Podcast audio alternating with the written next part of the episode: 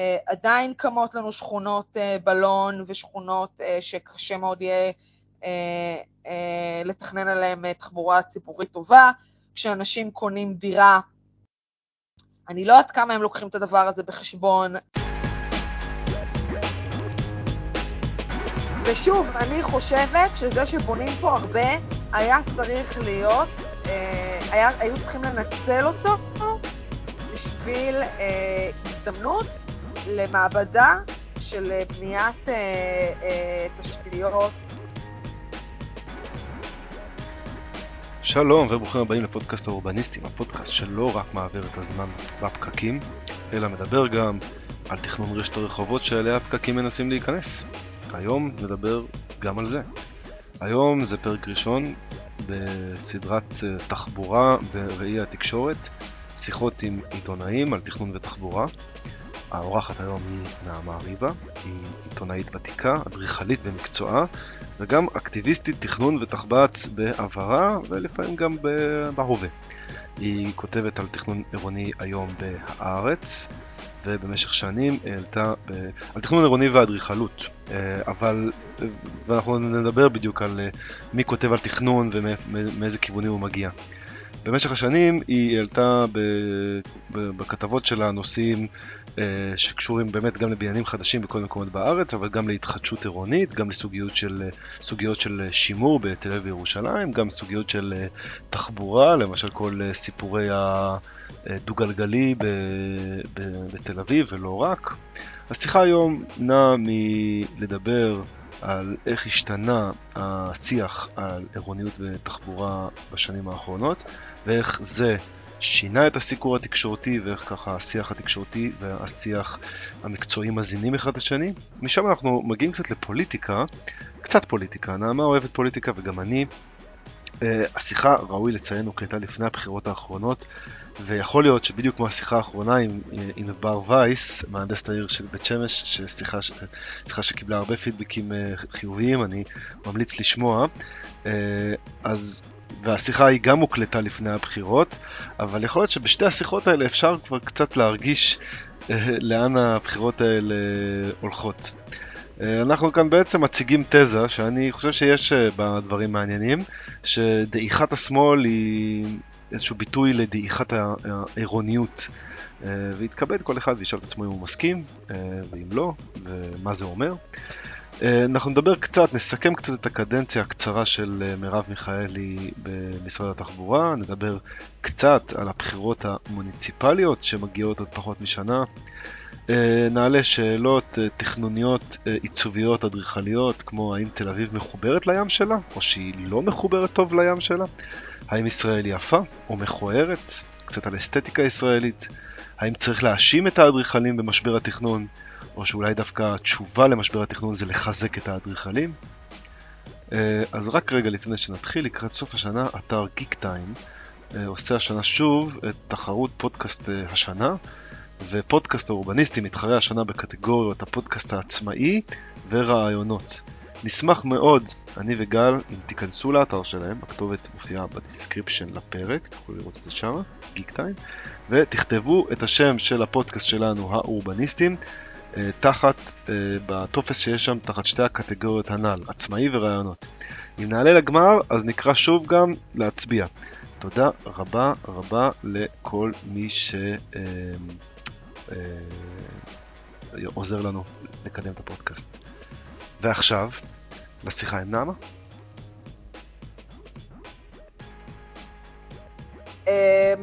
כמה דברים. דבר ראשון, אין בישראל ממש תקשורת על עירוניות או על אדריכלות, אוקיי? רוב התקשורת, אה, נחלק את זה רגע לשניים. התקשור, הכתבי אה, כאילו תכנון הם כתבי אה, נדל"ן בעצם, אוקיי? נתחיל מזה, זה, זה אחת הבעיות בעצם, שהכתיבה היא מגיעה ממקום, אמורה להגיע לפחות ממקום כלכלי. אה, זה בעיה אחת. בעיה שנייה, שהחצי השני שהיו אמור לכתוב על תכנון, אלו אותם כתבי תחבורה, שבמקור הם בעצם כתבי רכב, אוקיי? כן. אמ, זה היה ככה הרבה מאוד אה, שנים, נגיד את זה ככה.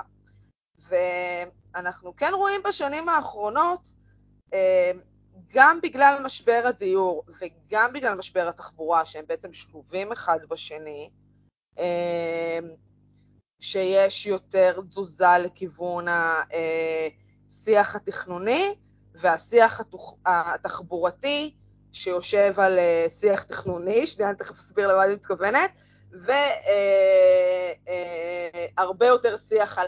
השיח התחבורתי הוא הרבה יותר אינטנסיבי, אני חושבת, בשנים האחרונות מהשיח התכנוני. אבל, אבל כן, כל הנושא הזה של משבר הדיור והתחבורה, אני חושבת שבשנים ה... מאז בעצם 2011, שזה אז שנכנסתי, זה, זה, זה, זה הלך ועלה, אוקיי? עכשיו, אין הרבה אנשים שמבינים בעצם שה... בעיות התחבורתיות קשורות לבעיות אה, אה, תכנוניות. אני חושבת שאולי אה, אסף זגריזק בגלובס מתעסק בזה. אני לא, אני לא מצליחה לחשוב על עוד מישהו שיודע להתעסק בזה בקביעות, אבל אנחנו כן רואים טפטופים של הנושא גם בתקשורת המיינסטרים, שאני מדברת על הטלוויזיה, אוקיי? אנחנו רואים דמויות תכנון בחירות במדינת ישראל שמתראיינות בטלוויזיה, מירחל אלתרמן ויואב לרמן ו... אה, ואפילו טליה מרגלית וכולי, כאילו אנחנו רואים אה, אה, כניסה של זה שוב בגלל מה שאני אומרת, משבר הדיור ומשבר התחבורה. מאוד קשה להסביר את זה בתקשורת, גם לי כאילו, בפעמים עדיין קשה, אבל כן, שוב, אני מרגישה שנגיד בשנתיים האחרונות, בגלל שהפקקים נהיו במצב בלתי נסבל, יותר קשה להסביר, יותר קל להסביר את זה. כאילו ככל שהמשבר גדל, יותר קל להסביר את זה. אמ, כן, אה, אה, אה, את יודעת מה? אם את אומרת שקל להסביר, תני את ההסבר שלך, בקצרה. מה הבעיה? מה, ההסבר שלי ללמה התכנון בישראל הוא לא טוב? למה יש פקקים? למה התכנון הוא לא טוב? טוב, זה מסובך, אבל אני אנסה ככה בכמה דקות. אוקיי. אה, ההסבר הקלאסי שאני מספקת, הוא מתחיל באמת מהקמת המדינה. כי אנחנו רואים באמת, אה, אתמול בדיוק הסברתי, כתבתי את זה בטוויטר לעוד מישהו, אה, אנחנו באמת רואים שהמרחבים המנדטוריים, המרחבים שתוכננו בעצם לפני קום המדינה, הם מרחבים הרבה יותר אורבניים, הרבה יותר הליכתיים, שהרבה יותר קל לתכנן עליהם תחבורה ציבורית, אוקיי? אם אנחנו מסתכלים על קו 5, שהוא הקו האידיאלי בתל אביב, או אנחנו מסתכלים על הקו של אה, הרכבת הקלה בירושלים, שניהם יושבים בעיקר על אה, אה, מרחבים בעצם שתוכננו לפני קום המדינה. ומדינת ישראל הוקמה ב-1948, ב- תקופה באמת שמה שמוביל את העולם זה תכנון אה, אה, מודרניסטי, שיכונים, אה, בואו נבנה מחדש, בואו נבנה שכונות ענק בפרברי הערים, ובישראל נוסף על כל הקונספציות הבינלאומיות, גם הייתה פה קונספציה ביטחונית שצריך להתפזר כדי להגן על הגבולות וכולי, וגם הייתה פה עלייה מאוד מאוד גדולה אה, תלוי איך אתה מחשב את זה, אם זה מיליון או שני מיליון, לא משנה, תלוי איך אתה תוחם את זה בשנים, עלייה מאוד מאוד גדולה שצריך אה, אה, לאכלס אותה, להכניס אותה לאנשהו. ו, איזה עלייה? איזה, זה את מדברת על עלייה ספציפית? אני מדברת או... על העליות של שנות ה-50. צריך להכניס אותה לאנשהו, ולכן נבנו בעצם שכונות שיכונים ענקיות, או ערי שיכונים שלמות, עיירות פיתוח, וגם ערים נגיד כמו אשדוד, אוקיי? עיר חדשה למעשה. שהיא כולה אה, עיר אה, אה, מודרניסטית, דומה קצת לצ'נדיגר בהודו, אה, שתכנן לקורבוזיה. אה, והדבר הזה בעצם הולך ומחמיר עם השנים, אה, שהתלות בכלי רכב הולכת וגדלה. אה, אני מחלקת את ה... מחלקת את זה לשתי תקופות, מאוד קל, 1977, אה, המהפך. כמו אה, שרוב ההיסטוריה הישראלית מתחלקת ככה. כן, אה, אז אני מחלקת את זה בעצם לשניים, אה, שעד אז בעצם נגיד שכונות השיכונים, אוקיי? שזה שכונות בצפיפות נמוכה, יחסית נבנות כגריד אורתוגונלי, בסדר? אבל לא צפוף. רווחים בין הבניינים, מרכז שכונתי אה, שבו עושים קניות, לא קניון, אוקיי? מרכז שכונתי שבו עושים קניות, סופר, אה, קופת חולים וכאלה, אה, אין המון דומיננטיות של חנייה, אבל, אבל יש אה, כבישים יחסית אה, אה, רחבים. אה, לאנשים עוד, אה? עוד לא היה כל כך הרבה, עוד לא היה כל כך הרבה רכבים. עוד לא היה כל כך הרבה רכבים, נכון. אז יש לנו הרבה חניות מרוכזות, אנחנו רואים את זה בשכונות מהתקופה הזאת, חניות מרוכזות. רואים את זה בכל השכונות מהתקופה הזאת. בערד, בקריית ים, במצפה אה, רמון, ובכל מקום, גם בדרום תל אביב, בכל מקום. בת גלים בחיפה. בת גלים בחיפה היא מנדטורית. תלוי איפה. אמנם יש פה שיכונים, אבל היא מנדטורית. אבל השיכונים לפי דעתי הם אחרי, הם אחרי ברור, השיכון. אתה, אל תבלבל בין רשת עירונית, אוקיי? שהרשת עירונית היא על בסיס מנדטורי, לבין האדריכלות עצמה, שהאדריכלות עצמה יכולה להיות אה, מה שהיא רוצה, בסדר? היא גם משתנה, אוקיי? כאילו, לצורך העניין בקריית חיים יש לי בניינים מכל התקופות, יש לי, נשארו לי בניינים משנות ה-30 ויש לי בניינים מעכשיו, אוקיי? אז בואו לא נבלבל בין רשת ומתי שהיא נבנתה, אה, שורטטה, ונגיד בת גלים או אפילו קריית חיים, בסדר? זה אומנם אה, מקומות שיש בהם גם שיכונים או בנייה שהיא יותר מאוחרת, אבל זה יושב לנו על רשת שהתחילה בימי המנדט, בסדר? גם בת גלים ככה, האזור של השיכונים, שהוא ככה אה, מתחבר לנו לבית חולים רמב"ם, אז הוא, הוא, הוא ממשיך בעצם את הרשת המנדטורית. אוקיי, אז זה נגיד היה לנו בתקופה הראשונה של עד 1977, בצורה גסה אני אומרת את זה, ובעצם אה, משנות ה-80 ואילך, אנחנו עוברים לרשת שהיא עוד ממש מוטת אה, אה, כלי רכב, וזה בעצם הולך ומחמיר עם השנים. אה, אנחנו, אני קוראת לזה אה, מגדלים ב parking, כלומר אה, מגדלים בחנייה פארק. אה, אנחנו רואים אה, שכונות שהן בעצם אה, אה, קבוצה של מגדלים, אה, שהמגדלים או שהם טבולים אה, בתוך אה, מגרשי חנייה עצומים, או שבשנים האחרונות אנחנו רואים אה, חניות תת-קרקעיות, למשל בחולון, חטא 500, שכונה, לא חטא 500, 500, לא משנה, אני חושב שחניונים תת-קרקעיים זה ממש... מה? חניונים קצת קרקעיים זה ממש חדש. זאת אומרת, בתל לא, אביב לא, זה התחיל רק לפני... לא, לא, זה כבר איזה עשור בערך. בתל אביב זה לפני עשור או 15 שנה, לא, ובחולון זה... זה מהשנים האחרונות. לא משנה, אבל זה אותו, זה התפתחות של אותה טיפולוגיה.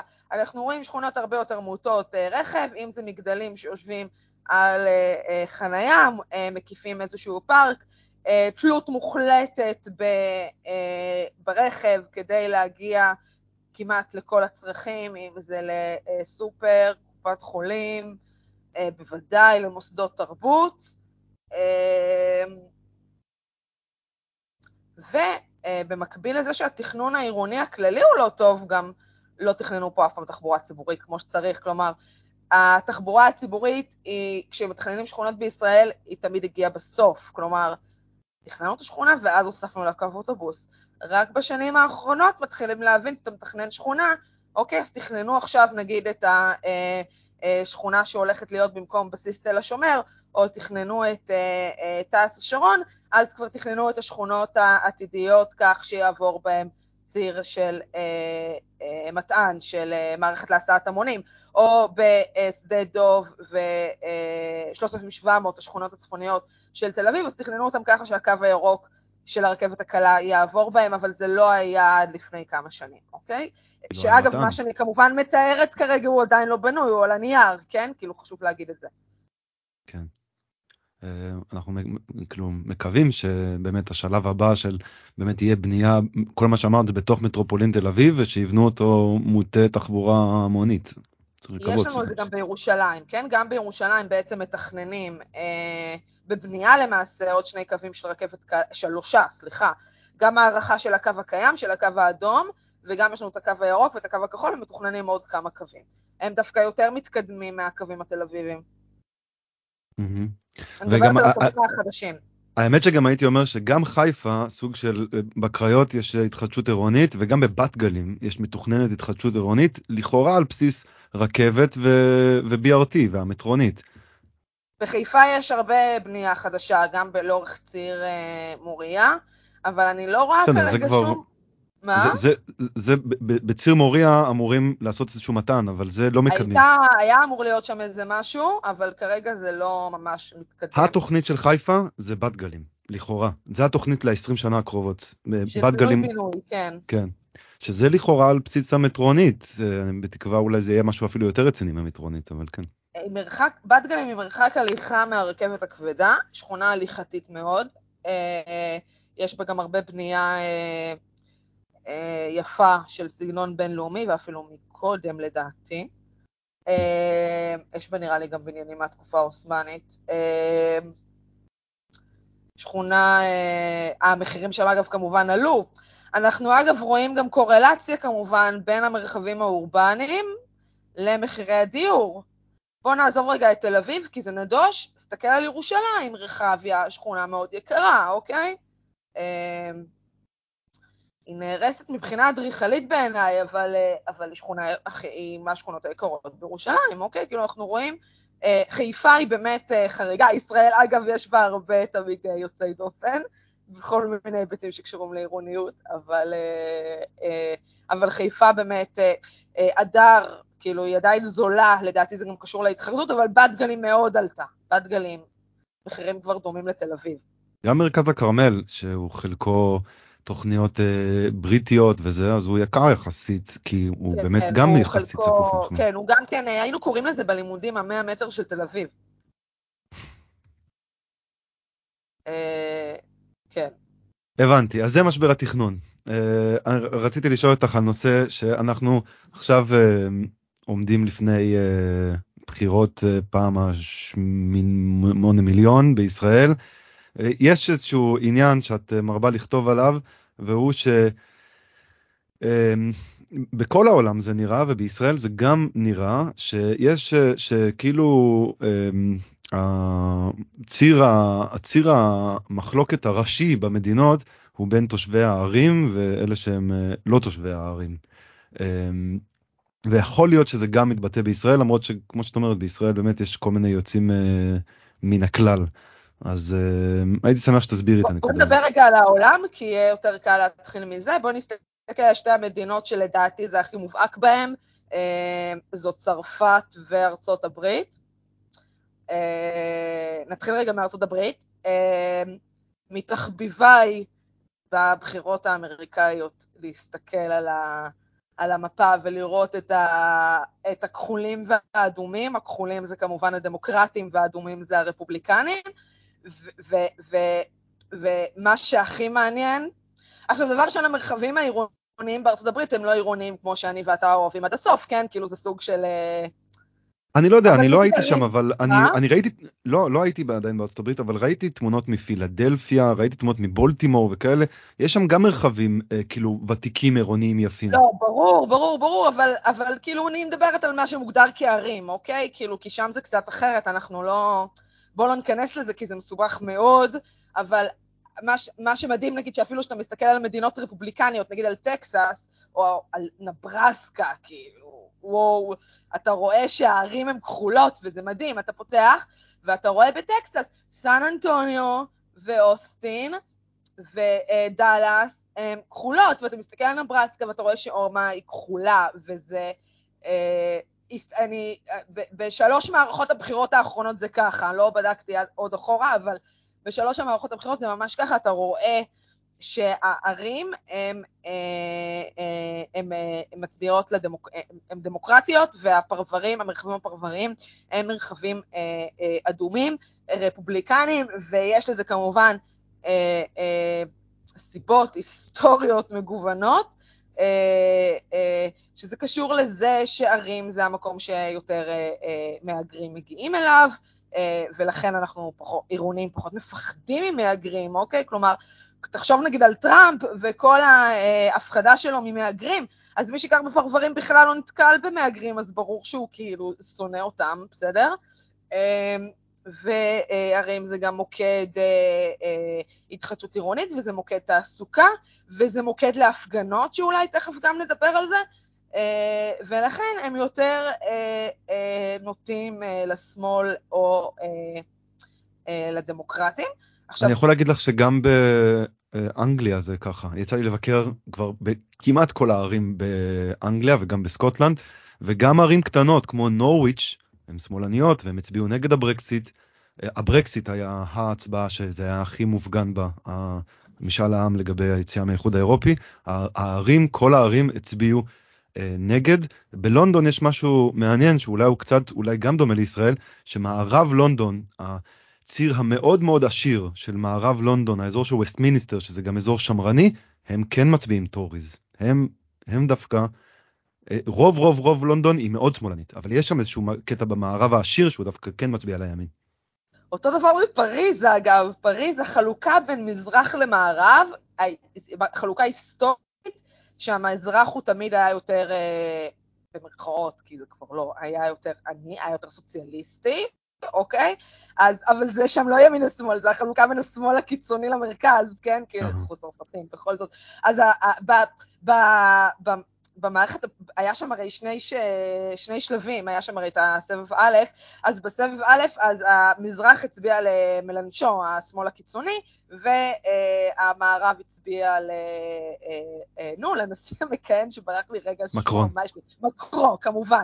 אוקיי? אז אנחנו רואים את זה אה, אה, גם בצרפת, שהחלוקה שם היא קצת יותר מסובכת, כי היא יותר, אגב, קצת מזכיר לי תמיד את ישראל, כאילו, חלוקה שם יותר, אה, כי יש לך גם שמאל קיצוני וימין קיצוני ועוד כל מיני תתים אה, למיניהם, שבארצות הברית אנחנו אה, פחות רואים אותם, גם לדעתי בבריטניה אנחנו פחות רואים אותם. אגב, טעיתי, נגיד, כי בסקוטלנד, וואי, אני עכשיו לא זוכרת, אבל אדינבורו וגלסגו הצביעו אחרת בהקשר להיפרדות של סקוטלנד מבריטניה. אני זוכרת שהייתה שם איזושהי חלוקה. אה, שאמרתי שאני אנסה להבין למה זה, אבל לא, לא הספקתי. לגבי, לגבי ההיפרדות, לא, גם כן. האמת היא שהפוליטיקה בסקוטלנד קצת מסובכת כי הם מצביעים למפלגה שלהם, ל-SNP, שזו המפלגה שבאופן עקרוני מבקשת uh, עצמאות לסקוטלנד. לזה הם מצביעים בבחירות הכלליות. שהיא מפלגה אגב יותר סוציאליסטית, זה כן קראתי עליה, אבל mm-hmm. תהיתי למה uh, יש חלוקה בין אדינבורו לגלזגו בהקשר של ההיפרדות מבריטניה, אני בטוחה שזה גם כן יושב על איזה משהו היסטורי, אבל אני לא... אה, אדינבורו היא קצת לא... יותר ירושלים, היא, היא, היא קטנה. זה? אה, בחלוקה בין אדינבורו לגלזגו, הייתי אומר שגלזגו היא יותר התל אביב, ואדינבורו היא יותר ירושלים. היא קצת יותר היסטורית, קצת פחות כסף יש בה, היא קצת פחות, אבל יש בה יותר תיירות, וגלזגו היא כאילו עיר האמיתית, עיר פועלים יותר, יותר גדולה גם, וזה, אז יכול להיות שזה גם קשור לזה. אה, קיצר, לא בדקתי את זה עד הסוף, אבל ראיתי שיש גם הבדלים ביניהם, כאילו, בהקשרים הפוליטיים. אה, גם בין תל אביב וירושלים, הרי ירושלים הורסת לנו קצת את הסטטיסטיקה הזאת, כי בירושלים אולי פעם היה קצת יותר מצביעי שמאל, היום... אה, ו... יש אנשים שטוענים שירושלים כן מתחרדת, יש אנשים שטוענים שירושלים אה, לא מתחרדת או נהיית יותר דתית או לא, אבל זה די ברור שמבחינת אה, כזה פעם היה איזה מין אליטה שמאלנית בירושלים והיא כבר פחות קיימת. נכון, האליטה השמאלנית בירושלים היא כבר פחות קיימת. שוב, ירושלים, ישראל היא קצת יותר מסובכת לנו מיתר מדינות העולם, כי אנחנו מדינה אה, אה, הרבה יותר מסורתית ודתית מהמדינות המערביות שהן הרבה יותר חילוניות מישראל. רגע, שנייה, רגע, רק אני רוצה להגיד עוד משהו על צרפת. אה, שצרפת, בגלל שהיא מדינה אה, מאוד, אה, עם עיר אחת אה, בולטת מאוד מאוד חזקה, שגם בה התחילה המהפכה הצרפתית וכולי, אז אנחנו רואים אה, אה, אה, שהפריפריה היא, היא יחסית חלשה, כלומר יש לנו פערים כלכליים מאוד גדולים בין אה, הפריפריה אה, לפריז. למעשה, האמת אני רוצה להמליץ על... אה, כתוב על זה במלחמת הרחובות והבתים, ספר שיצא לא מזמן בהוצאת בבל, כתבתי עליו ריוויו, אה, אז אפשר uh, uh, לקרוא, ובאמת, ו- ואחד הדברים באמת שהוא כותב שם, שפריז, uh, שכל מה שלא בפריז במשך שנים היה נחשב לפריפריה, היה אפילו אזור חיוג אחד בפריז ואחד לכל יתר המדינה. Uh, אז אנחנו רואים גם שנגיד uh, כל המאבק של uh, האפודים הצהובים, הוא התחיל uh, uh, בפריפריה. יהיה מאוד מעניין לראות מה קורה באירופה בחודשים הקרובים, כל משבר הגז ה...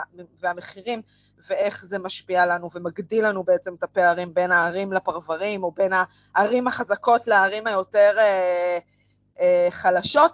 אנחנו רואים שבמדינה כמו גרמניה, אוקיי, גם איטליה הייתה יכולה להיות ככה, אבל היא פשוט מושחתת ובעייתית כבר הרבה מאוד שנים, ואנחנו רואים נגיד במדינה כמו גרמניה, שהיא, או הולנד, שזה בקטן, אבל גם אפילו בהולנד, שזה, או נקרא לזה במילים אחרות, המדינות הפרוטסטנטיות, שהן אה, מרובות אה, ערים, ומרובות ערים טובות וחזקות, אנחנו רואים שיש לנו פחות אה, פערים. נטייה אוקיי? לימין קיצוני. מה? גם פחות, לא, פחות נטייה, כאילו, למרות שיש גם ימין קיצוני עולה בגרמניה ובהולנד. הוא אבל ירד אבל... חזרה, אגב. הוא... הוא...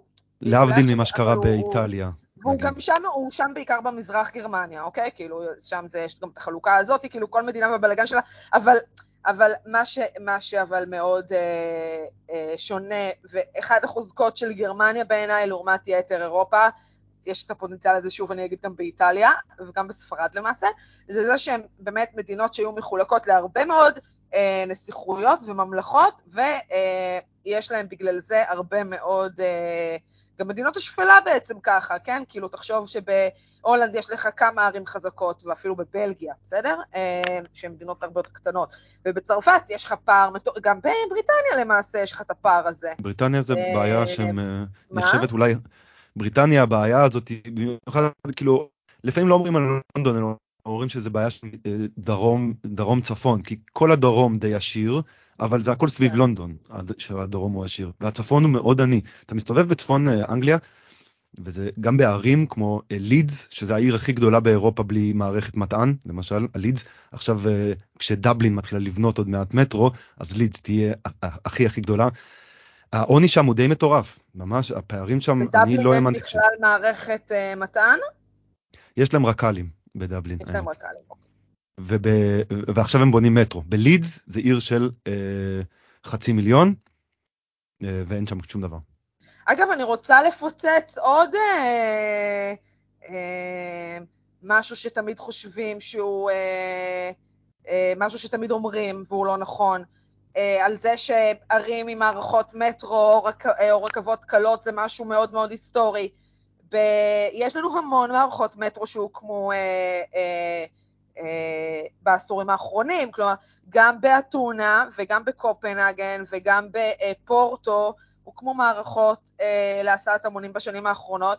עכשיו, בגרמניה, חוץ מזה, רוב המערכות הוקמו אחרי uh, מלחמת העולם השנייה, כלומר, רק ברלין, uh, אני עכשיו לא זוכרת, אבל רק באיזה, ש... ברלין ועוד איזה שניים או שלוש ערים, הרוב זה מערכות חדשות, כלומר, כל התיאוריה הזאת, כאילו, כל המערכות ישנות ורק אנחנו מסכנים, לא, בנו, לא בנינו כלום uh, לפני מאה שנה, הוא לא נכון, אוקיי? הרבה בנו בשנות ה-90. מה? הרבה בנו, למשל בספרד ובאיטליה, הם בנו המון בשנות ה-90. פורטו בנתה, פורטו, פורטו זה פורטוגל, סליחה שאני ככה מסתכלת. צרפת בנו מלא מערכות רכבת קלה בשנים האחרונות. בורדו, אחת המערכות הקלות היותר מעניינות בעיניי, כי היא באמת מערכת שהיא יותר מעניינת אגב טכנית, כן, כי יש בה את הסיפור שאין אה, בה כבלים בתוך, בתוך כן. העיר. אה, אה, אז היא חדשה, ויש לנו עוד הרבה, בליל לדעתי גם כן חדשה, אה, וחוץ מזה, אתה רואה כל מיני הרחבות, מה, אה, קו אליזבת בלונדון ובקו 2 בניו יורק, אבל לקח מיליון שנה לבנות אותו, בסדר, יש לנו כל הזמן אה, הרחבות. אם נחזור רגע לפוליטיקה בישראל וההבדלים בין מרכז ופריפריה, אז באמת ירושלים היא, היא חריגה, אבל כמו שאמרת, היה לנו פעם את רחביה אה, מפאיניקית, אה, אה, שזה הלך ו, ונעלם, אה, ו, וזה בגלל... ירושלים של אה, עמוס עוז כזה. כן, בדיוק. אה, הייתה לי על זה כתבה עכשיו בדיוק בחג, אה, בראש השנה זה היה? נדמה לי? כן, בראש השנה. קיצר, ירושלים היא חריגה כי היא יותר דתית בעצם, ואז היא הופכת גם להיות יותר דתית, זה גם הופך להיות יותר ימני, אבל, אבל גם בישראל אנחנו בסוף רואים שפריפריה אה, אה, סלש שכונות שהן יותר אה, אה, אה, מאוחרות, הן יותר נוטות לימין היסטוריות, אבל כל המדינה נעה ימינה, אין לנו כמעט שמאל יותר, אני חושבת שיש בערך... אני נראה לי פחות מעשרה אחוזים כרגע מהאוכלוסייה היהודית בישראל מגדירה את עצמה כשמאל. אז, אז, אז כל נקודות הפתיחה של הדיון הזה הן בעייתיות, אוקיי? אין כבר כמעט שמאל בישראל. חיפה, שפעם הייתה מה? חיפה האדום, חיפה שפעם הייתה חיפה האדומה, והייתה כאילו עיר הפועלים, המנצ'סטר של ישראל, אז uh, היא, אני יודע שבבחירות האחרונות, 2019-2020, כבר הליכוד, אני חושב שאו שזה בחצי חצי או שכמעט מוביל שם, יכול להיות שזה ממש בקורולציה לזה שחיפה התפרברה והפכה להיות uh, סוג של פריפריה. חיפה מאוד מזכירה ערים אחרות. אני חושבת שבישראל זה קצת, זה כן, אבל לא, כי, כי שוב, מדינת ישראל הלכה והפכה, הלכה והפכה להיות יותר ויותר ימנית, אה, מהסיבות שכולנו מכירים. אה, זה מעניין, אגב, זה בעיקר ב-15 שנים האחרונות בסוף, אנחנו שוכחים שב-2006 הליכוד קיבל רק 12 מנדטים, 15 שנה זה כלום הרי בקנה מידה של עירוניות. תחשוב שב-2006 הליכוד היה רק עם 12 מנדטים, כולנו שוכחים את זה, בדיוק אתמול ראיתי על זה סדרה, אה, לא סדרה, זה דוקו. תגידי, מרב, מרב מיכאלי, כן. בתור, uh, שהייתה עכשיו שנה שרת התחבורה, uh, את חושבת, כאילו, קשה לה, הרבה פעמים רוצים כזה, והרבה פעמים מבקשים מכל מיני מומחי תחבורה להגיד מה דעתם על סמוטריץ' שהיה פחות משנה, על מרב, מירי רגב שהייתה גם פחות משנה, על מרב מיכאלי. Uh, יכול להיות שכאילו מה אפשר גם ככה להספיק, אבל בכל זאת, מה את חושבת uh, שהיא... אז נכון, אי אפשר להספיק הרבה בשנה, אבל כן, אני, אני, אני חושבת שכן, שכן נגיד היא העבירה תקציבים לתחבורה הציבורית, שזה חשוב. אני לא יודעת כמה הנושא הזה באמת, אני אגב התבאסתי שהיא לקחה את התחבורה וניצן הורוביץ את הבריאות, כי לדעתי ניצן הרבה יותר מבין בתחבורה ממנה, אני לא הבנתי למה הייתה את החלוקה הזאת ביניהם. ניצן באמת מבין בעירוניות ותכנון ותחבורה, אוקיי? וגם אגב תמי, תמי זנדברג. אה, היא דווקא פחות, לדעתי, מחוברת אה, לנושא. אני אגיד אה, שאני, ממה שאני מכיר את אה, ניצן הורוביץ, היה לו פודקאסט, אה, איך עושים עיר בכאן, ואני הקשבתי לזה. הוא ו... לגמרי, לא הבנתי אני- עד היום, אני- צריכה באמת לשאול אותו למה לא, הוא... אני לא התרשמתי, אני לא התרשמתי ממנו. התרשמתי שהוא קצת מחובר לכל מיני רעיונות שהיו בשנות ה-90 כזה לגבי מה זה, אבל הוא... לא- פוליטיקאי הוא מבין, בוא, זה לא... אנחנו לא מדברים עכשיו עליי ועליך. הוא גם עשה את, ה... את התוכנית אה, על קוריטיבה, הוא כאילו, הוא כן, הוא מבין. יחסית לפוליטיקאי בטוח. הוא מבין את הצורך בתחבורה ציבורית, זה לא, הוא מבין מה זה עיר, אוקיי? אה, אני אה, לא יודעת כמה היא אה, מבינה את זה לעומק. אני חושבת שהיו צריכים לעשות יותר פתרונות קצרי טווח, כמו אה, אה, כל מיני דברים טקטיים, שלא נעשו מספיק.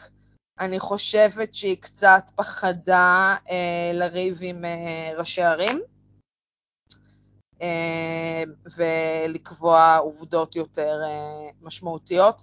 אני חושבת שלא מספיק משתפים את הציבור בתוכניות העתידיות, אה, ולא מספיק ברור לאן כל הכאוס הזה הולך. אה, אנחנו נמצאים כרגע בכאוס ובאי ודאות. אנחנו לא יודעים מתי פרויקטים נגמרים. כל הנושא של אה, שקיפות בתכנון אה, תחבורתי לא קיים, מכיוון שהרשאות לא מפורסמות לציבור, בניגוד לתוכניות, להיתרי בנייה. אז אנחנו לא יודעים איך דברים הולכים לצאת. אנחנו לא שותפים לתכנון. אה, וכל הנושא של תחבורה ציבורית בשבת, שלדעתי צריך להבין משהו, וקשה מאוד לתקשורת לדבר על זה ולפוליטיקאים לדבר על זה. תכנון זה לא, אה, תכנון תחבורה או תכנון, זה לא משהו שאתה גומר אותו בכותרת. כדי לתכנן תחבורה טובה אתה צריך סל, אוקיי? זה לא עובד עם משהו אחד. אתה צריך שיהיו לך גם תחנות אוטובוס שנעים לעבוד בהן, אתה גם צריך לטפל במייל האחרון, אתה גם צריך לחשוב על דור טו דור, ואתה גם צריך תחבורה בשבת, אתה צריך מלא דברים כדי שזה יעבוד. זה לא עובד באיזה... זה, אתה צריך ניהול כולל, ו... ו... אבל מה- מה מה לגבי, התחבורה בשבת זה משהו שהיא דיברה עליו. אמרה שכאילו, זה מאוחר מדי, כי היא פחדה. למה? אבל היא, היא טוענת שהיא לא דיברה על זה גם, תוקפים- גם כשהתפתחו את לא, הרכבלית. לא, אני, תקשיב, אני, אני המון זמן בתחבורה בשבת, כאילו, 11, ש- אני מתעסקת עם זה כבר שנים. לא מספיק תוקפים את ה... לא... התקשורת במיוחד, לא יודעים לתקוף על זה את החרדים כמו שצריך, זה הרי מגוחך לחלוטין כל הסיפור הזה. הרי אה, זה התחיל בכלל מהמכתב ששלח בן גוריון ב-47 לחרדים, לאגודת ישראל, לפני אה, שוועדת אונסקופ של האו"ם הייתה בארץ, כי הוא רצה את התמיכה שלהם, אז הופיע שם איזה משהו. עכשיו, כל הנושא של תחבורה ציבורית בשבת בעצם הופיע בהסכמים קואליציוניים, הוא לא באמת בחוק. עכשיו, יש לנו כן את זה בתקנות, אבל תקנות זה משהו ששר יכול לשנות, בסדר? זה לא מופיע בפקודת אה, מסילות הברזל, אגב, בכלל. זה מופיע בפקודת, אה, שכחתי את השם של זה, כאילו של האוטובוסים, אבל שר יכול לשנות את זה אם הוא רוצה.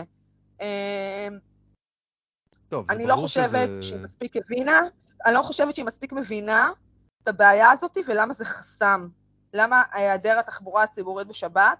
אגב, גם החרדים עצמם ירוויחו מזה, כי הם תחבורה, שמש... אה, סליחה, הם הרי קבוצה שמשתמשת המון בתחבורה ציבורית, אז אם תהיה תחבורה אגב, ציבורית בשבת, למה, למה זה אה? חסם? למה זה חסם?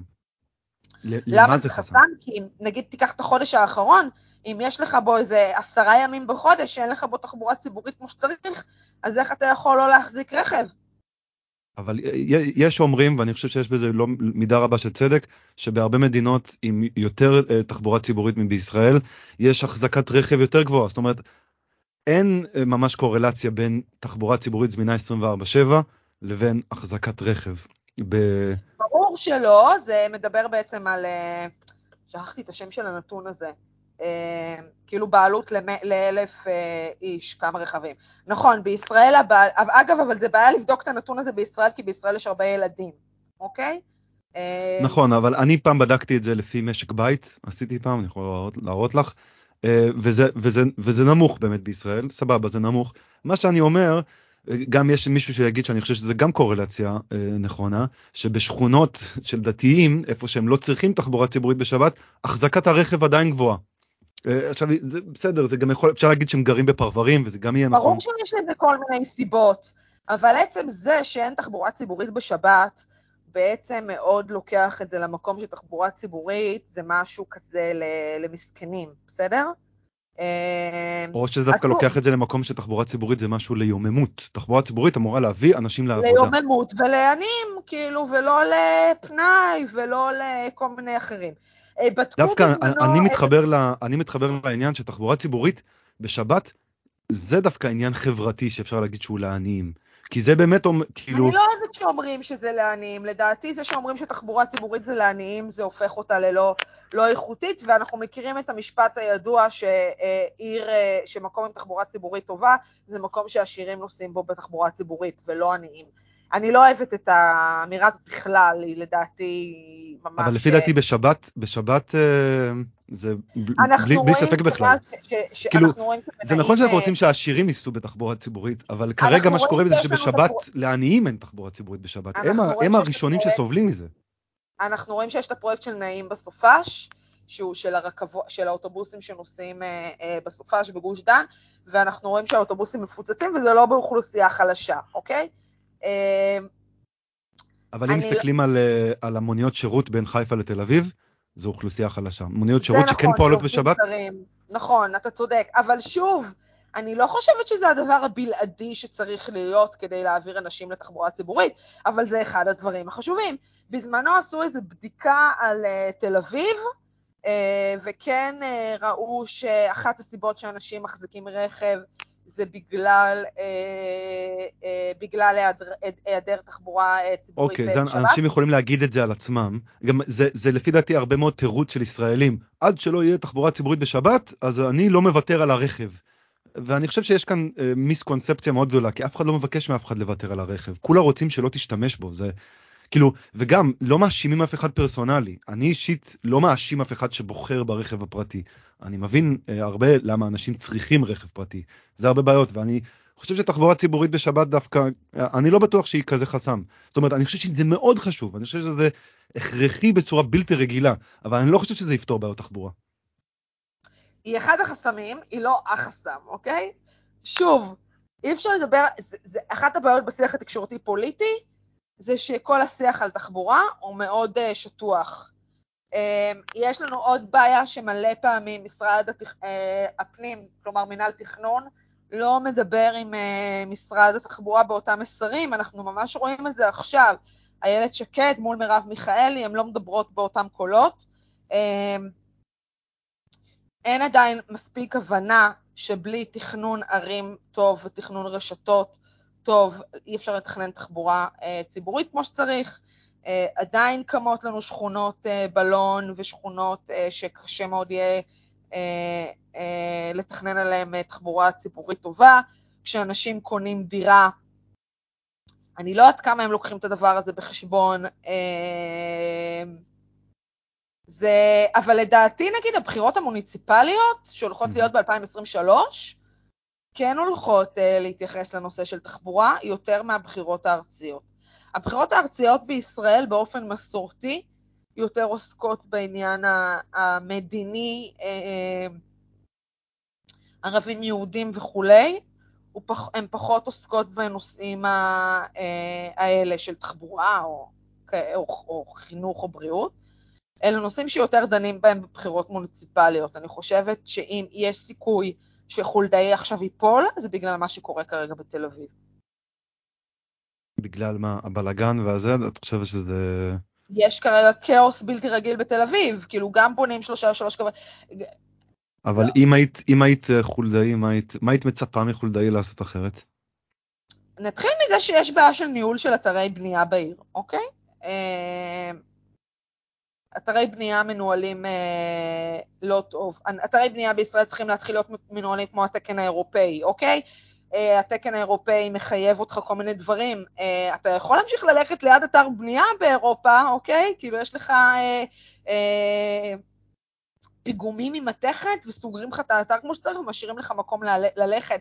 אתה הולך לפעמים ברחובות, ברמת גן או בחיפה יותר ראיתי את זה, שמצד אחד יש לך אתר בנייה, ומהצד השני יש לך מכונית שמחנה על המדרכה, ואין לך fucking איפה ללכת. עכשיו, אה, אחת הסיבות, אגב, שה, שהתחלת הבנייה וסיום התכנון של הקו הירוק והקו האדום בתל אביב התעכבו, זה בגלל הדרישה של חולדאי שחלקים מהם יהיו תת-קרקעיים, אוקיי? זה היה הדרישה של חולדאי. אז נתחיל מזה, אני חושבת ששבילי האופניים עדיין לא מתוכננים כמו שצריך, הם עכשיו קצת יותר טובים, אבל עדיין הם לא מספיק טובים. דווקא אני חושב שאפשר להגיד, כאילו, אני גם חושב שזו החלטה אולי שנויה מחלוקת, למשל אה, אה, למנהר ברחוב אבן גבירול את הקו הירוק, אבל דווקא בגלל שהם הנהרו את זה, כנראה שאבן גבירול יופרע פחות מאשר אלנבי, למשל, ששם זה הוא לא מופרע פחות, כי יש לך אתרי בנייה ענקיים בתחנות. זה עכשיו, זה אינפרה אחד, זה, זה כאילו כדי לעשות הסטת תשתיות, אבל בסופו של דבר לא יהיה מנהר, אה, כאילו, בסופו של דבר לא, לא יסגרו את כל הרחוב. אחד, יש לך גם בעיה עם הפורטלים. כן, הפורטל שם עושה בעיה, זה נכון, בצפון. יש שם, אבל יש שלושה פורטלים בתל אביב, יש לך גם פורטל ב... אה, הר ציון.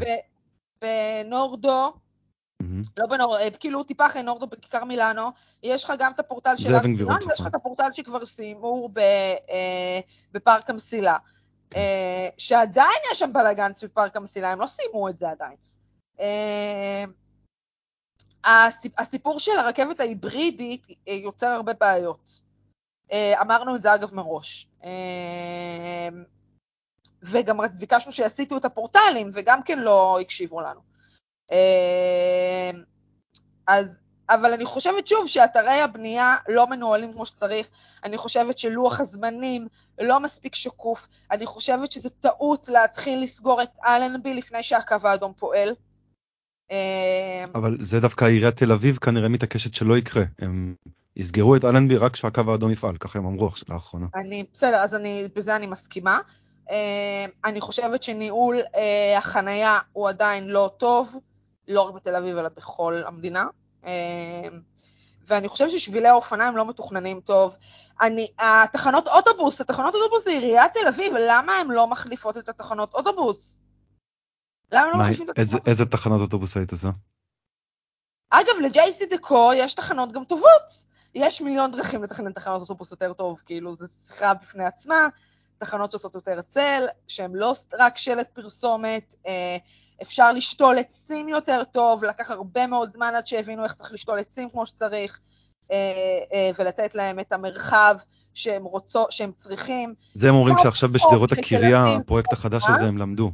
הם אומרים שבשדרות הקריה, הפרויקט עכשיו ש... נכון, שדרות הקריה, העצים שתולים יותר טוב מלמשל אבן גבירול, או בדרך השלום. עוד פשלה מאוד גדולה של חולדאי, זה כל הסיפור של קו החוף.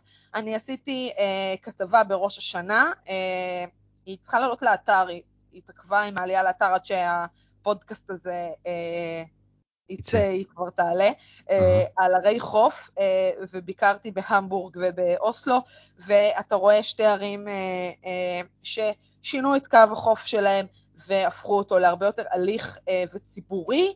וזה כולל השקעות פרטיות, אוקיי?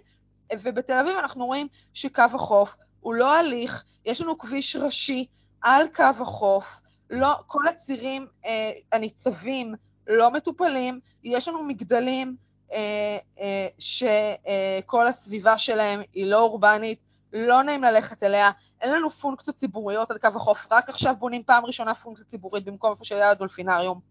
אה, דווקא אבל אני יודע שכאילו כשיום אחד יסכמו את הקדנציה של אה, חולדאי אם היא תסתכם אחד כאילו ההישגים שלו זה יהיה זה שהוא הפך את החוף בתל אביב.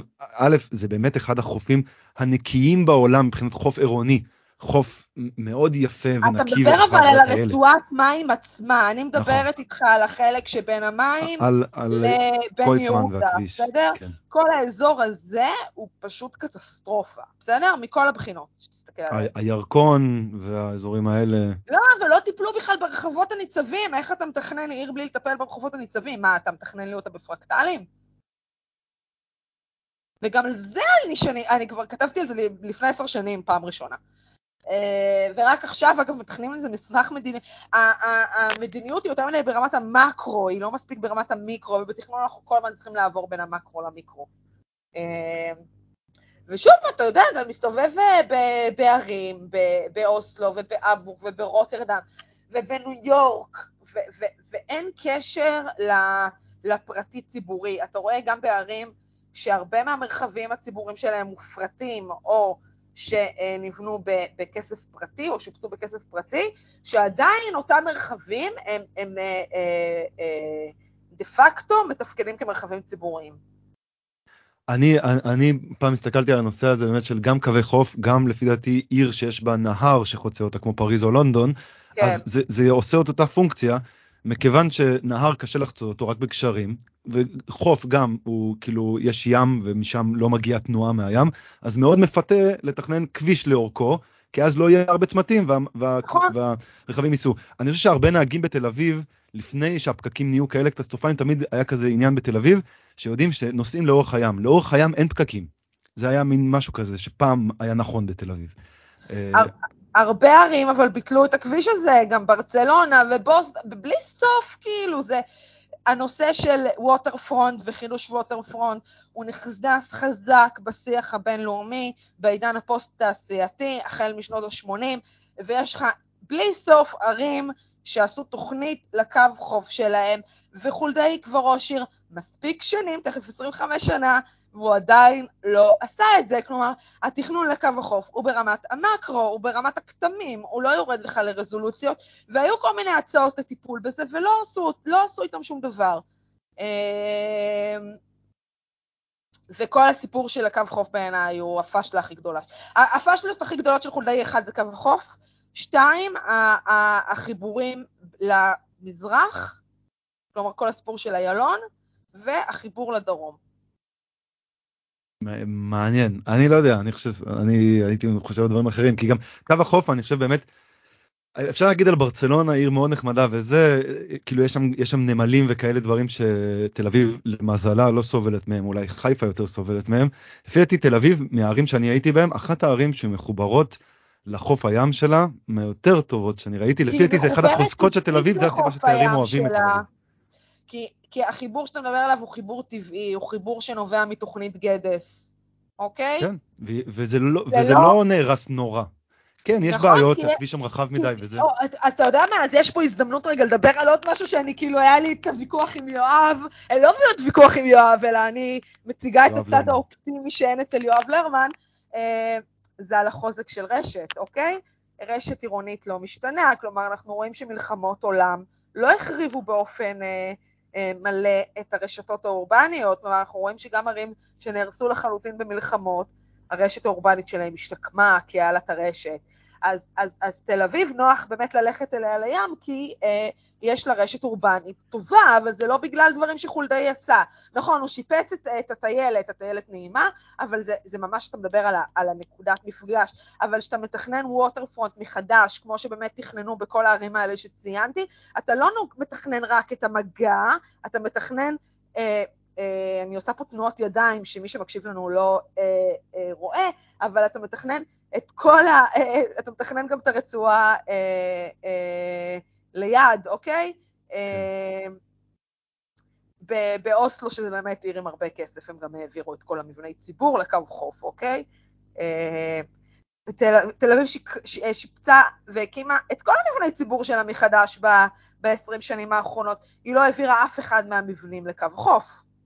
את כל המבני ציבור היא שיפצה או הקימה מחדש. יש עניין עם קו חוף שתמיד מפתה למכור את זה ל- ליזמים שמוכנים לשלם, כי זה, זה הנדלן הכי יקר בעיר. בעיקר בתל אביב היה דיון, אה, אני לא זוכרת כבר איזה, אה, כי יש לנו דווקא בת, ב, ליד קו החוף דווקא לא מעט שטחים ציבוריים, בגלל שהיו שם כל מיני אה, אה, אה, אה, שכונות אה, אה, ערביות, או אה, כל מיני מחלול ומנשיה וכולי, בסדר?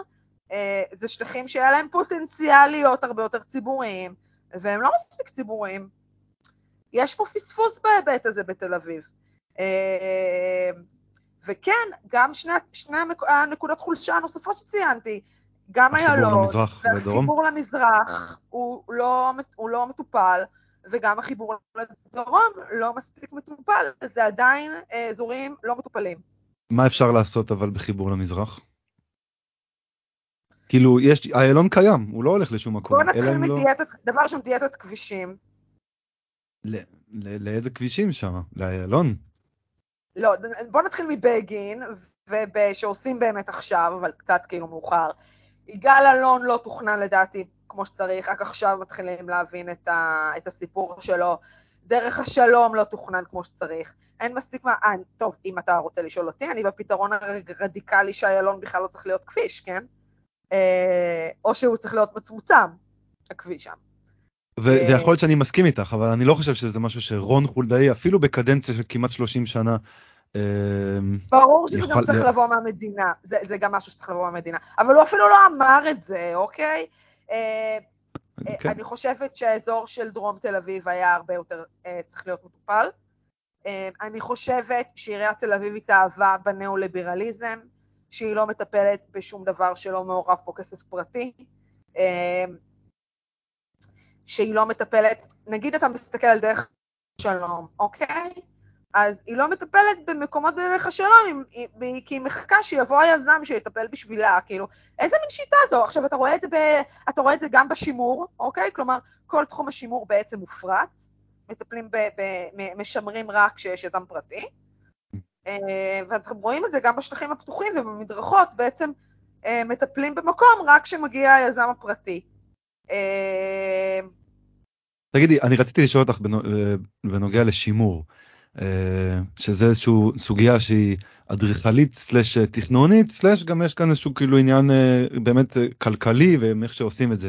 למשל, שכונה כמו נווה צדק, שאדריכלים, מיטב אדריכלי הארץ עבדו על לשמר אותה ולשמור אותה, והיום מה קיבלנו? בלב העיר, על אחד האזורים הכי יפים בעיר, מין אה, שכונה שהיא קצת עושה פסטיש כזה למבני אבן שחלקם אפילו לא מאוד יפים. כאילו, בסדר, מבנה אבן. אה, אה, ורק לעשירים, בנייה מאוד נמוכה. זה הולך להיות מבחינת כל התוכניות של המטרו והרק"ל, אחד המקומות הכי מקושרים, גם למטרו וגם לרק"ל. ו... והנה מתעקשים על לשמור אותה ככה, קטנה, זה כאילו איזה כאילו כפר, אבל זה כפר ל... לתושבי חוץ עשירים. נתחיל מזה שיש לך שכונות מהסוג הזה בכל העולם, אוקיי? אה, אין לך עיר שאין בה את זה, ואני לא מדברת על ונציה, אני מדברת על, אה, על ערים יותר, אה, יותר אה, מורכבות, בסדר? ברור שוונציה היא הדוגמה הכי קיצונית. אז דבר ראשון, יש לך את זה בכל העולם. יש בישראל בעיה עם כל הנושא של השימור, כי אין בישראל תחזוקה. אם הייתה בישראל תחזוקה שוטפת, לא היינו צריכים להגיע לקיצוניות שבה נעשה השימור. אה, כי מה שקורה, שבמקום לעשות תחזוקה שוטפת, ואתה רואה אה, שבאירופה ובצפון אמריקה וגם בעוד, פחות מכירה את אוסטרליה ויפן, אבל אני מניחה, בדרום קוריאה זה אני חושבת גם כן ככה. כלומר, יש לך תחזוקה באמת שוטפת, ואז אתה לא צריך להגיע לסיטואציה של השימור, כלומר, מה קורה? יש לך פה הזנחה הרבה פעמים מכוונת מצד בעלי הבניין, כדי בעצם לייצר מה שאני קוראת לו שימור ככלי להלבנת אחוזי בנייה.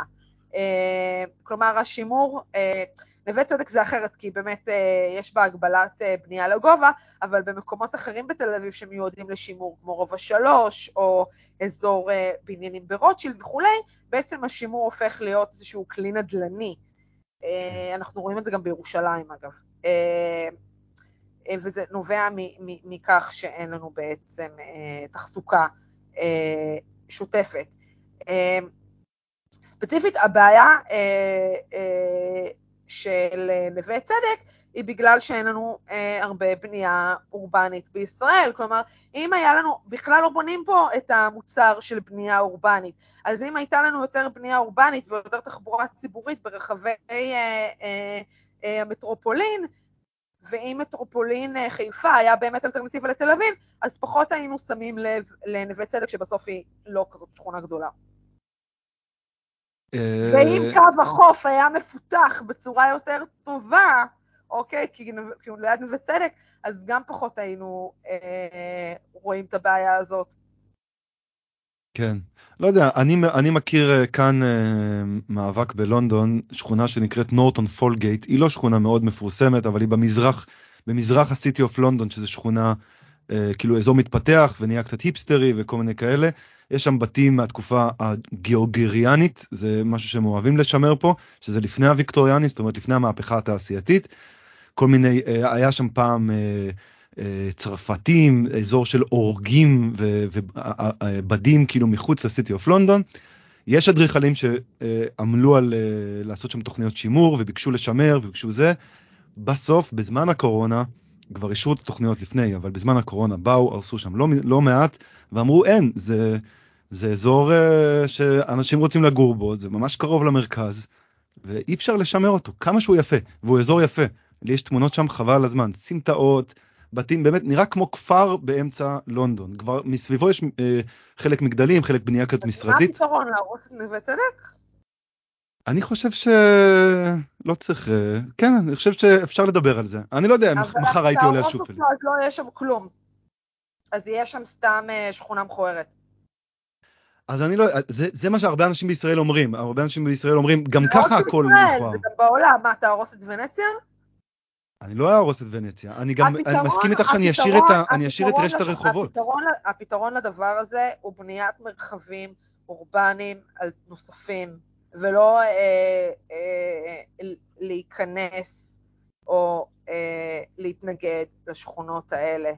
כי אם מטרופולין חיפה עכשיו, למשל, היה מהווה, אם, אם, אם מטרופולין חיפה היה מהווה אלטרנטיבה, ואם המפעלים היו אה, אה, מפונים, והיה נבנית במקומם אה, אה, שכונה אורבנית אה, אה, גדולה, אגב, יש שם מקום לאיזה 100 אלף יחידות דיור, כן?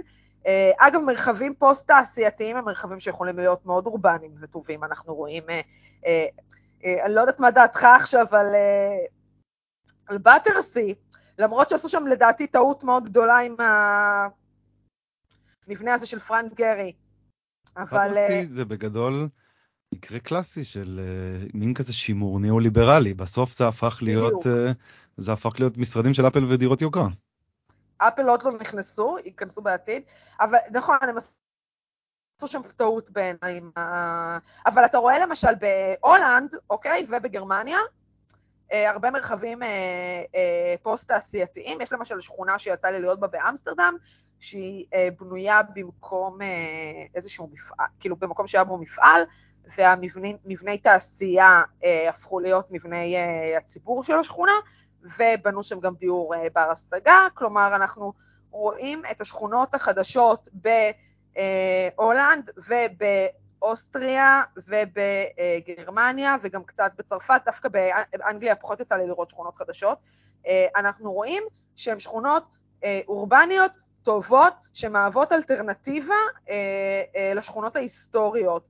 וזה מה שאנחנו צריכים לייצר. זה, זה, זה גם משהו שהוא אה, להבדיל ממה שיואב לרמן אומר, ואני דווקא נוטה להסכים איתו, שבשום מקום בעולם לא מצליחים בשנים האחרונות לבנות משהו באמת טוב, באמת אבל אורבני. אבל הוא לא מדייק בעיניי.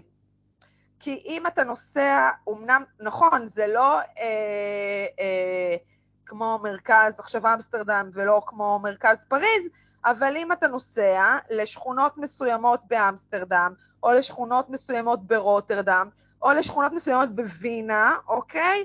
או בגרמניה בכל מיני ערים, בסדר? אה, או בספרד דווקא פחות, הן פחות טובות לדעתי, מה שיצא לי לראות. אה, אבל יש, יש הרבה דוגמאות, ב, ב, ב, גם בארצות סקנדינביה, אתה כן רואה אה, שכונות שנעים לגור בהן. ברור שאין בהן אותה אינטנסיביות אורבנית כמו במרכז, אבל ברור שלא יהיה, אחרת לא יהיה מרכז. אז אוקיי? אפשר להגיד שאולי הם משת, אה, משתפרים בלבנות פרברים, למשל אה, פרייבורג בגרמניה, אה, עיר שאוהבים אותה, היא באמת נראית עיר נחמדה, זה לא, הם לא הצליחו שם לבנות מרכז עיר עם סמטאות, רחובות מסחריים שעובדים טוב. אבל הם לא רצו לבנות מרכז עיר, אני אגב לא אוהבת שנותנים את הדוגמה של פרייבורג, הייתי שם אגב, לדעתי אה, זה לא מספיק אה, אה, צפוף שם, אבל היא מחוברת טוב תחבורתית, אוקיי? אה, והבעיה בישראל שהפרברים לא מחוברים טוב תחבורתית למרכז, נתחיל מזה. אה, אבל שוב, כן יצא לי להיות באירופה, אה, בלא מעט שכונות חדשות שהן אה, לא רעות בכלל. תשלחי לי דוגמאות אחר כך. מה? תשלחי לי דוגמאות אחר כך, אני רוצה לבקר גם. אני הייתי, אותי לקחו מהלימודים, למדתי תכנון עירוני, לקחו אותנו לטיול בסטוקהולם, לראות אה, פרויקט חדש אה, שמה. וזה מאוד יפה, זה קצת מזכיר, כאילו הם כן למדו לעשות, הם כן עושים את זה יחסית צפוף, אז הם עושים 3-4 קומות, כאילו אפילו בשכונה שהיא לא במרכז, הם כן עדיין יבנו 3-4-5 קומות, ויעשו בניינים שונים, ימכרו את זה ליזמים שונים כדי שזה לא הכל ייראה אותו דבר. וזה יפה וזה מתחשב בטבע וזה גם כן וזה.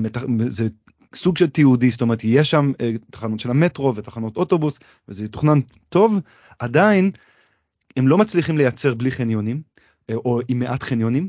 אה, ובטח לא בלי חניונים תת קרקעיים במיוחד בשכונות שאמורות להיות יקרות הם לא מצליחים לייצר רחובות חד סטריים קטנים פשוט לא מצליחים לא עובד להם לא לא קורה להם.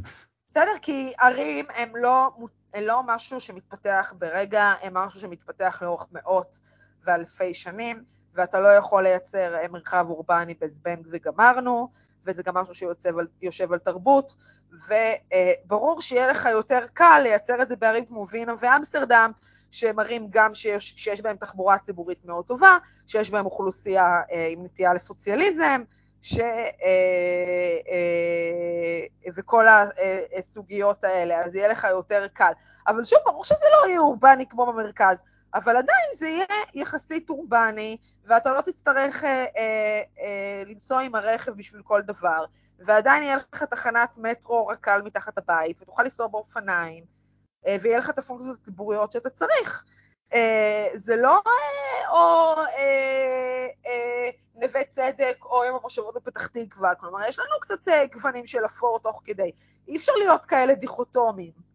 כן. אה, תגידי, נושא אחרון שקשור לזה, אז uh, את uh, הרבה פעמים מדברת על uh, יופי וכיעור בערים של uh, ישראל. Uh, ב- לדוגמה באמת uh, בורדו וזה שהם עשו שם uh, uh, בלי כבלים את הרק"לים ואנחנו מכירים היום את uh, שדרות uh, ירושלים ביפו שיפתחו בקרוב. עכשיו כבר פתחו חלקים בעצם. אז אני... אמרת ההפך, שדרות ירושלים ב... אה, אמרת שדרות ירושלים ביפו, סליחה. אני מדבר על שדרות ירושלים ביפו דווקא, שעומדות להיפתח. כן, שעשו שם, שזה, שזה רחוב, רחוב נחמד לפי דעתי. אני גם, אה, אני לא מתחבר לזה שכאילו הכבלים אה, דווקא באמת אה, הורסים. אני חושב שגם בבורדו יכול להיות שהם השקיעו הרבה מאוד בנראות של הסיפור. אני לא יודע כמה זה עובד טוב, אני מת לבקר שם.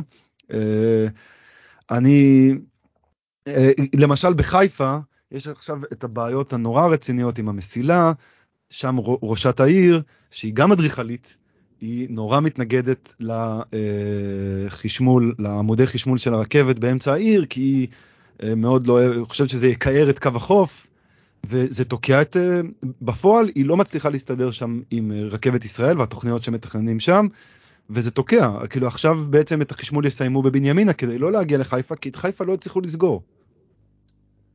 טוב, אתה מדבר על... דיברת על יופי וזה, אבל אמרתי קודם שכל תחום ההרשאות הוא בעצם לא אה, חשוף לציבור, ולכן אנחנו לא יכולים בכלל אה, לדעת איך הדברים הולכים, אה, הולכים להיראות. אה, הנושא של אה, תשתיות ויופי של תשתיות הוא בכלל לא קיים, כאילו, אף אחד פה לא חושב בכלל על אה, איך דברים צריכים להיראות, כאילו, תחשוב איך נראות הדירות בכיכר רבין, המבנים בכיכר רבין, תחשוב שאנשים משקיעים מיליונים בשיפוץ הפנים של הדירה שלהם, ומבחוץ הבניין לא משופץ, כלומר, אין כאן תחזוקה, אין כאן שיפוץ, אה, לאף אחד בכלל לא אכפת מזה, כלומר, נגיד, אנחנו מסתכלים עכשיו על אה, מבני אה, ציבור, הקריטריון של האסתטיקה והיופי והאדריכלות, הוא בדרך כלל לא קריטריון את מי אנחנו לוקחים שיתכנן לנו את הפרויקט. אה, אז כמובן שתשתיות זה בכלל לא קיים, אתה מדבר על ה... הכי נורא זה מה שעשו ב... אה, עם, עם הרכבת באזור שבין תל אביב להרצליה, בעצם אתה רואה מין אה, עמודים מאוד מאוד, מסבכים מאוד מאוד מסיביים, שמאוד מכערים שם את הנוף. אה, אבל מה, מה, מה הנוף שם גם ככה, כאילו, עם כל הכבוד לקטע הזה בין תל אביב להרצליה, יש שם כבישים ענקיים ומחלפים ענקיים.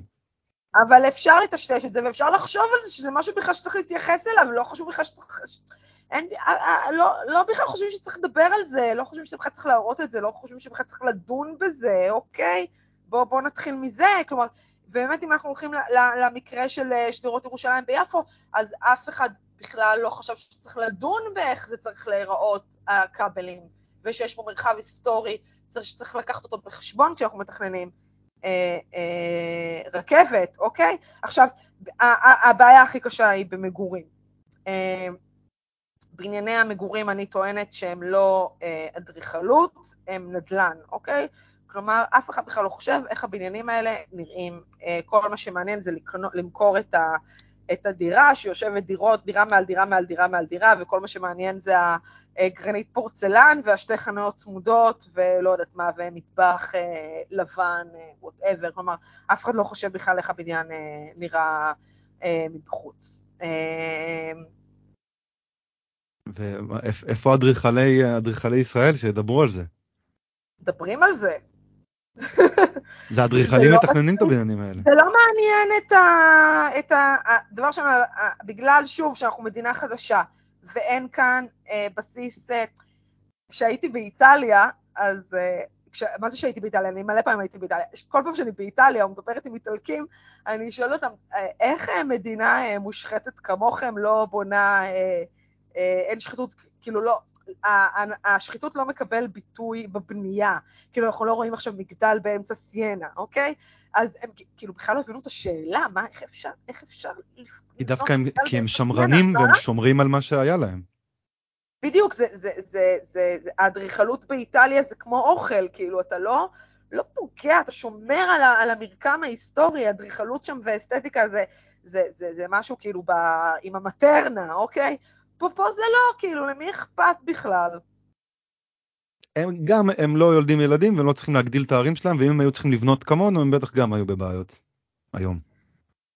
כן, לא יודעת. אני לא, אני חושבת שישראל הייתה יכולה להיות מעבדה של אה, בנייה למגורים.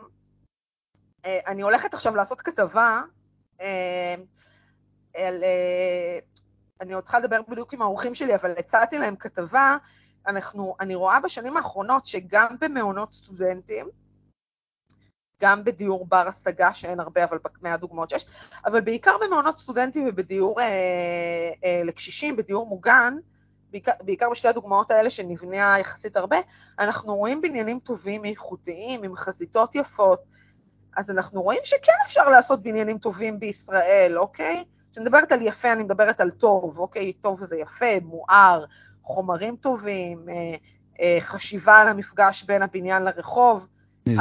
תני איזה דוגמה אז, טובה. וואו, יש מלא. מה, אה, ראיתי עכשיו מעונות סטודנטים חדשים בראשון לציון.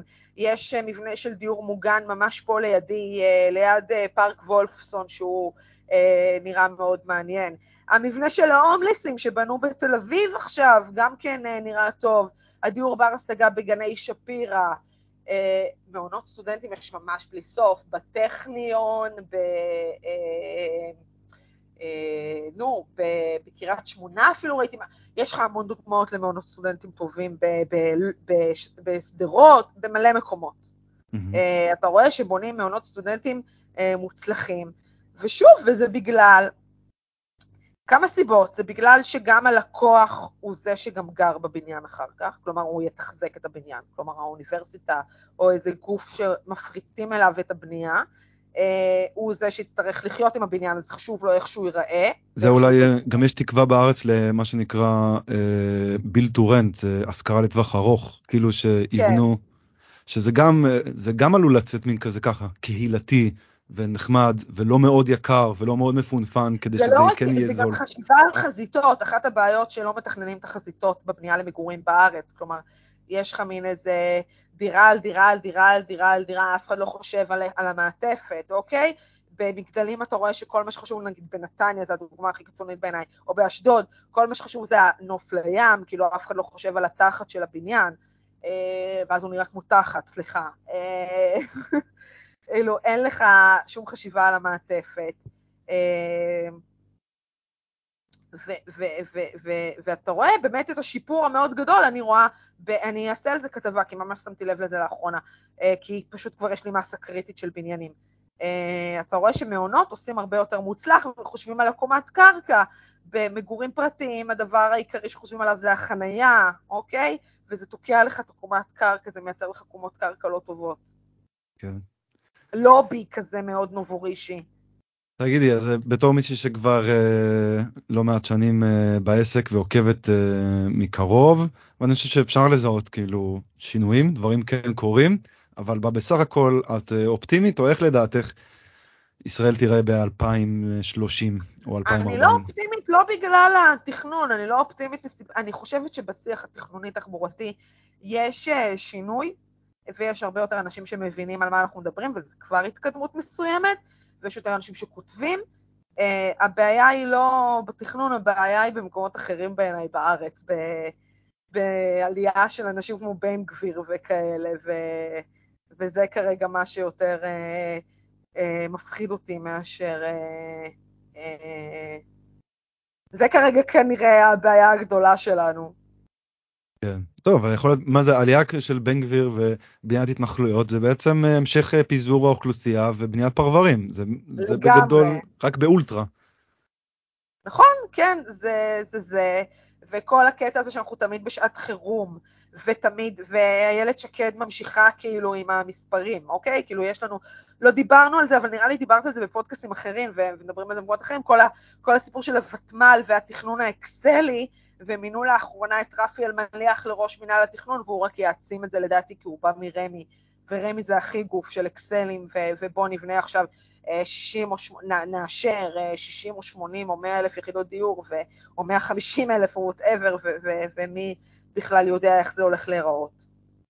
אני חושבת שאולי אה, יש כבר כמה חודשים, וזה גם לא רק בישראל, אלא גם בעולם, חושבים שאולי אה, אנחנו בדרך למשבר ומחירי הדיור זאת אומרת אנשים לא מבינים כאילו אנשים אומרים מחירי הדיור סוף סוף ירדו אבל זה בעצם אומר משבר. אה, את חושבת שמחירי הדיור אה, בונים יותר מדי ומחירי הדיור ירדו? שמע זה לא רק תכנון אוקיי כאילו אמנם התכנון מאוד משפיע על הנושא של הדיור אבל אנחנו רואים ש... שבנק ישראל כרגע התערב, והריבית עלתה, ואנשים צריכים להחזיר יותר על משכנתה, וזה יכול להיות שזה יוריד את מחירי הדיור, כאילו, וזה לא קשור לתכנון, אוקיי? כי אם אנשים צריכים עכשיו לשלם עוד אלף שקל בחודש משכנתה, אז, אז זה יכול להוריד את מחירי הדיור. וזה מה שקורה כרגע, אגב, אני לא יודעת כמה אתה עוקב. אה, ואם יש לנו אינפלציה, ואתה רואה את זה בבריטניה יותר מאשר בישראל, אז, אז, אז יש לזה השפעות, כאילו זה לא... תכנון הוא חלק מזה. התכנון הוא מאוד משחק תפקיד בטווח הארוך, אוקיי? בטווח הקצר, הכלכלה והבנקים והריביות יותר משחקות תפקיד. יכול להיות שגם כאן ישראל, אה, מזה שבאמת שוק, אני חושב שהתכנון והשוק הבנייה הוא מאוד מופרט יחסית בישראל, הכל, גם השימור, הכל בנוי על השוק הפרטי, ובמקומות כאלה משבר כזה יכול להיות חזק יותר. אני, כן, אני עכשיו, אבל אני... הוא, בסוף המשברים הכלכליים עוברים לנו יחסית מהר. כאילו, גם אם לוקח להם אפילו עשר שנים אולי לעבור... אולי הדור שלנו פשוט לא זוכר, אבא שלי סיפר לי על המשבר של שנות ה-80, שקיבלת משכורת והיא לא, כאילו, אנחנו אולי, אולי פשוט לא היינו עדיין במשברים uh, גדולים, אני ואת. אני בדיוק נולדתי. Uh, גם אתה נראה לי, לא? Uh, כן. שני, שנינו נולדנו באינפלציה. כן. זה, אז נראה, יכול להיות שפשוט, אנחנו, יש לנו איזשהו bias, כי אנחנו לא חווינו כזה דבר. אבל אני רואה עכשיו כמו שאנשים התחילו להתלונן על העליות של המשכנתה, כאילו ראיתי כמה אנשים על זה, שכתבו על זה שזה, מתחיל, שזה התחיל לעלות בכמה מאות, למי שיש לו משכנתאות יחסית נמוכות של 2,500-3,000, ומי שיש לו משכנתאות יותר גבוהות של 6, 7, 8, זה כבר עולה באלף שקל. יכול לעלות באיזה אלף שקל, זה משמעותי. כן. Uh, זהו, אז אני חושב שזה יהיה מעניין, במיוחד uh, מבחינה הזאת שאנחנו כן חושבים שבישראל בעשור הקרוב יבנו הרבה, יבנו הרבה תשתיות, יבנו הרבה תשתיות תחבורה ותשתיות אחרות, ואז... ושוב, אני חושבת שזה שבונים פה הרבה, היה צריך להיות, uh, היה, היו צריכים לנצל אותו בשביל הזדמנות למעבדה של אה, בניית אה, אה, תשתיות ו... אה, ככה זה היה קצת, ככה זה היה קצת בשנות ה-50. בשנות ה-50 אה, אני, אני עשיתי פעם עבודה לשכונת השטיח בבאר שבע של זלוטוב, וזה... לפי דעתי זה באמת שכונה טובה והיא באמת התפרסמה הרבה בעולם יחסית אה, כאיזשהו מין אה, ניסוי כזה כי אז בעולם הרבה רצו לדעת איך עושים social housing בתקופה הזאת נכון אז גם לאדריכלים היה הרבה יותר משקל בקבלת ההחלטות ובתכנון. יש מצב אז זאת אומרת אה, צריך לתת לאדריכלים יותר כוח לא פחות? צריך לקחת אותם בחשבון כרגע לא לוקחים אותם בחשבון הם הפכו להיות ספק. אבל יכול להיות שהם גם חלק מהם אה, רצו את זה. אני רואה את האדריכלים הרבה פעמים כמשת"פים, כשאנחנו מתלוננים על אה, המגדלים ועל החניות ועל המגדלים בפארק, לגמרי, מישהו, מישהו יושב על האוטוקאד ו- ומתכנן את הדברים האלה. לגמרי, לגמרי, לגמרי. לגמרי, כן. והאדריכלים הטובים הולכים למבני ציבור ולא נשארים במגורים. לא ב... לא בפרויקטים המסיביים, כלומר, אדריכל... כן יש לך אדריכלים טובים בתמ"א 38, בפרויקטים קטנים, אתה לא רואה אדריכלים טובים בפרויקטים הגדולים. כן, אתה מילים הגדולים שיודעים לעבוד במסות. כן, בדיוק. טוב. טוב, אה, זהו, היה, היה כיף, אני מקווה. כן, היה בסדר, חשבתי שנדבר על דברים אחרים, אבל... ולא דיברנו בסוף על מחאות, טוב. מה, איזה מחאות? איזה מחאות?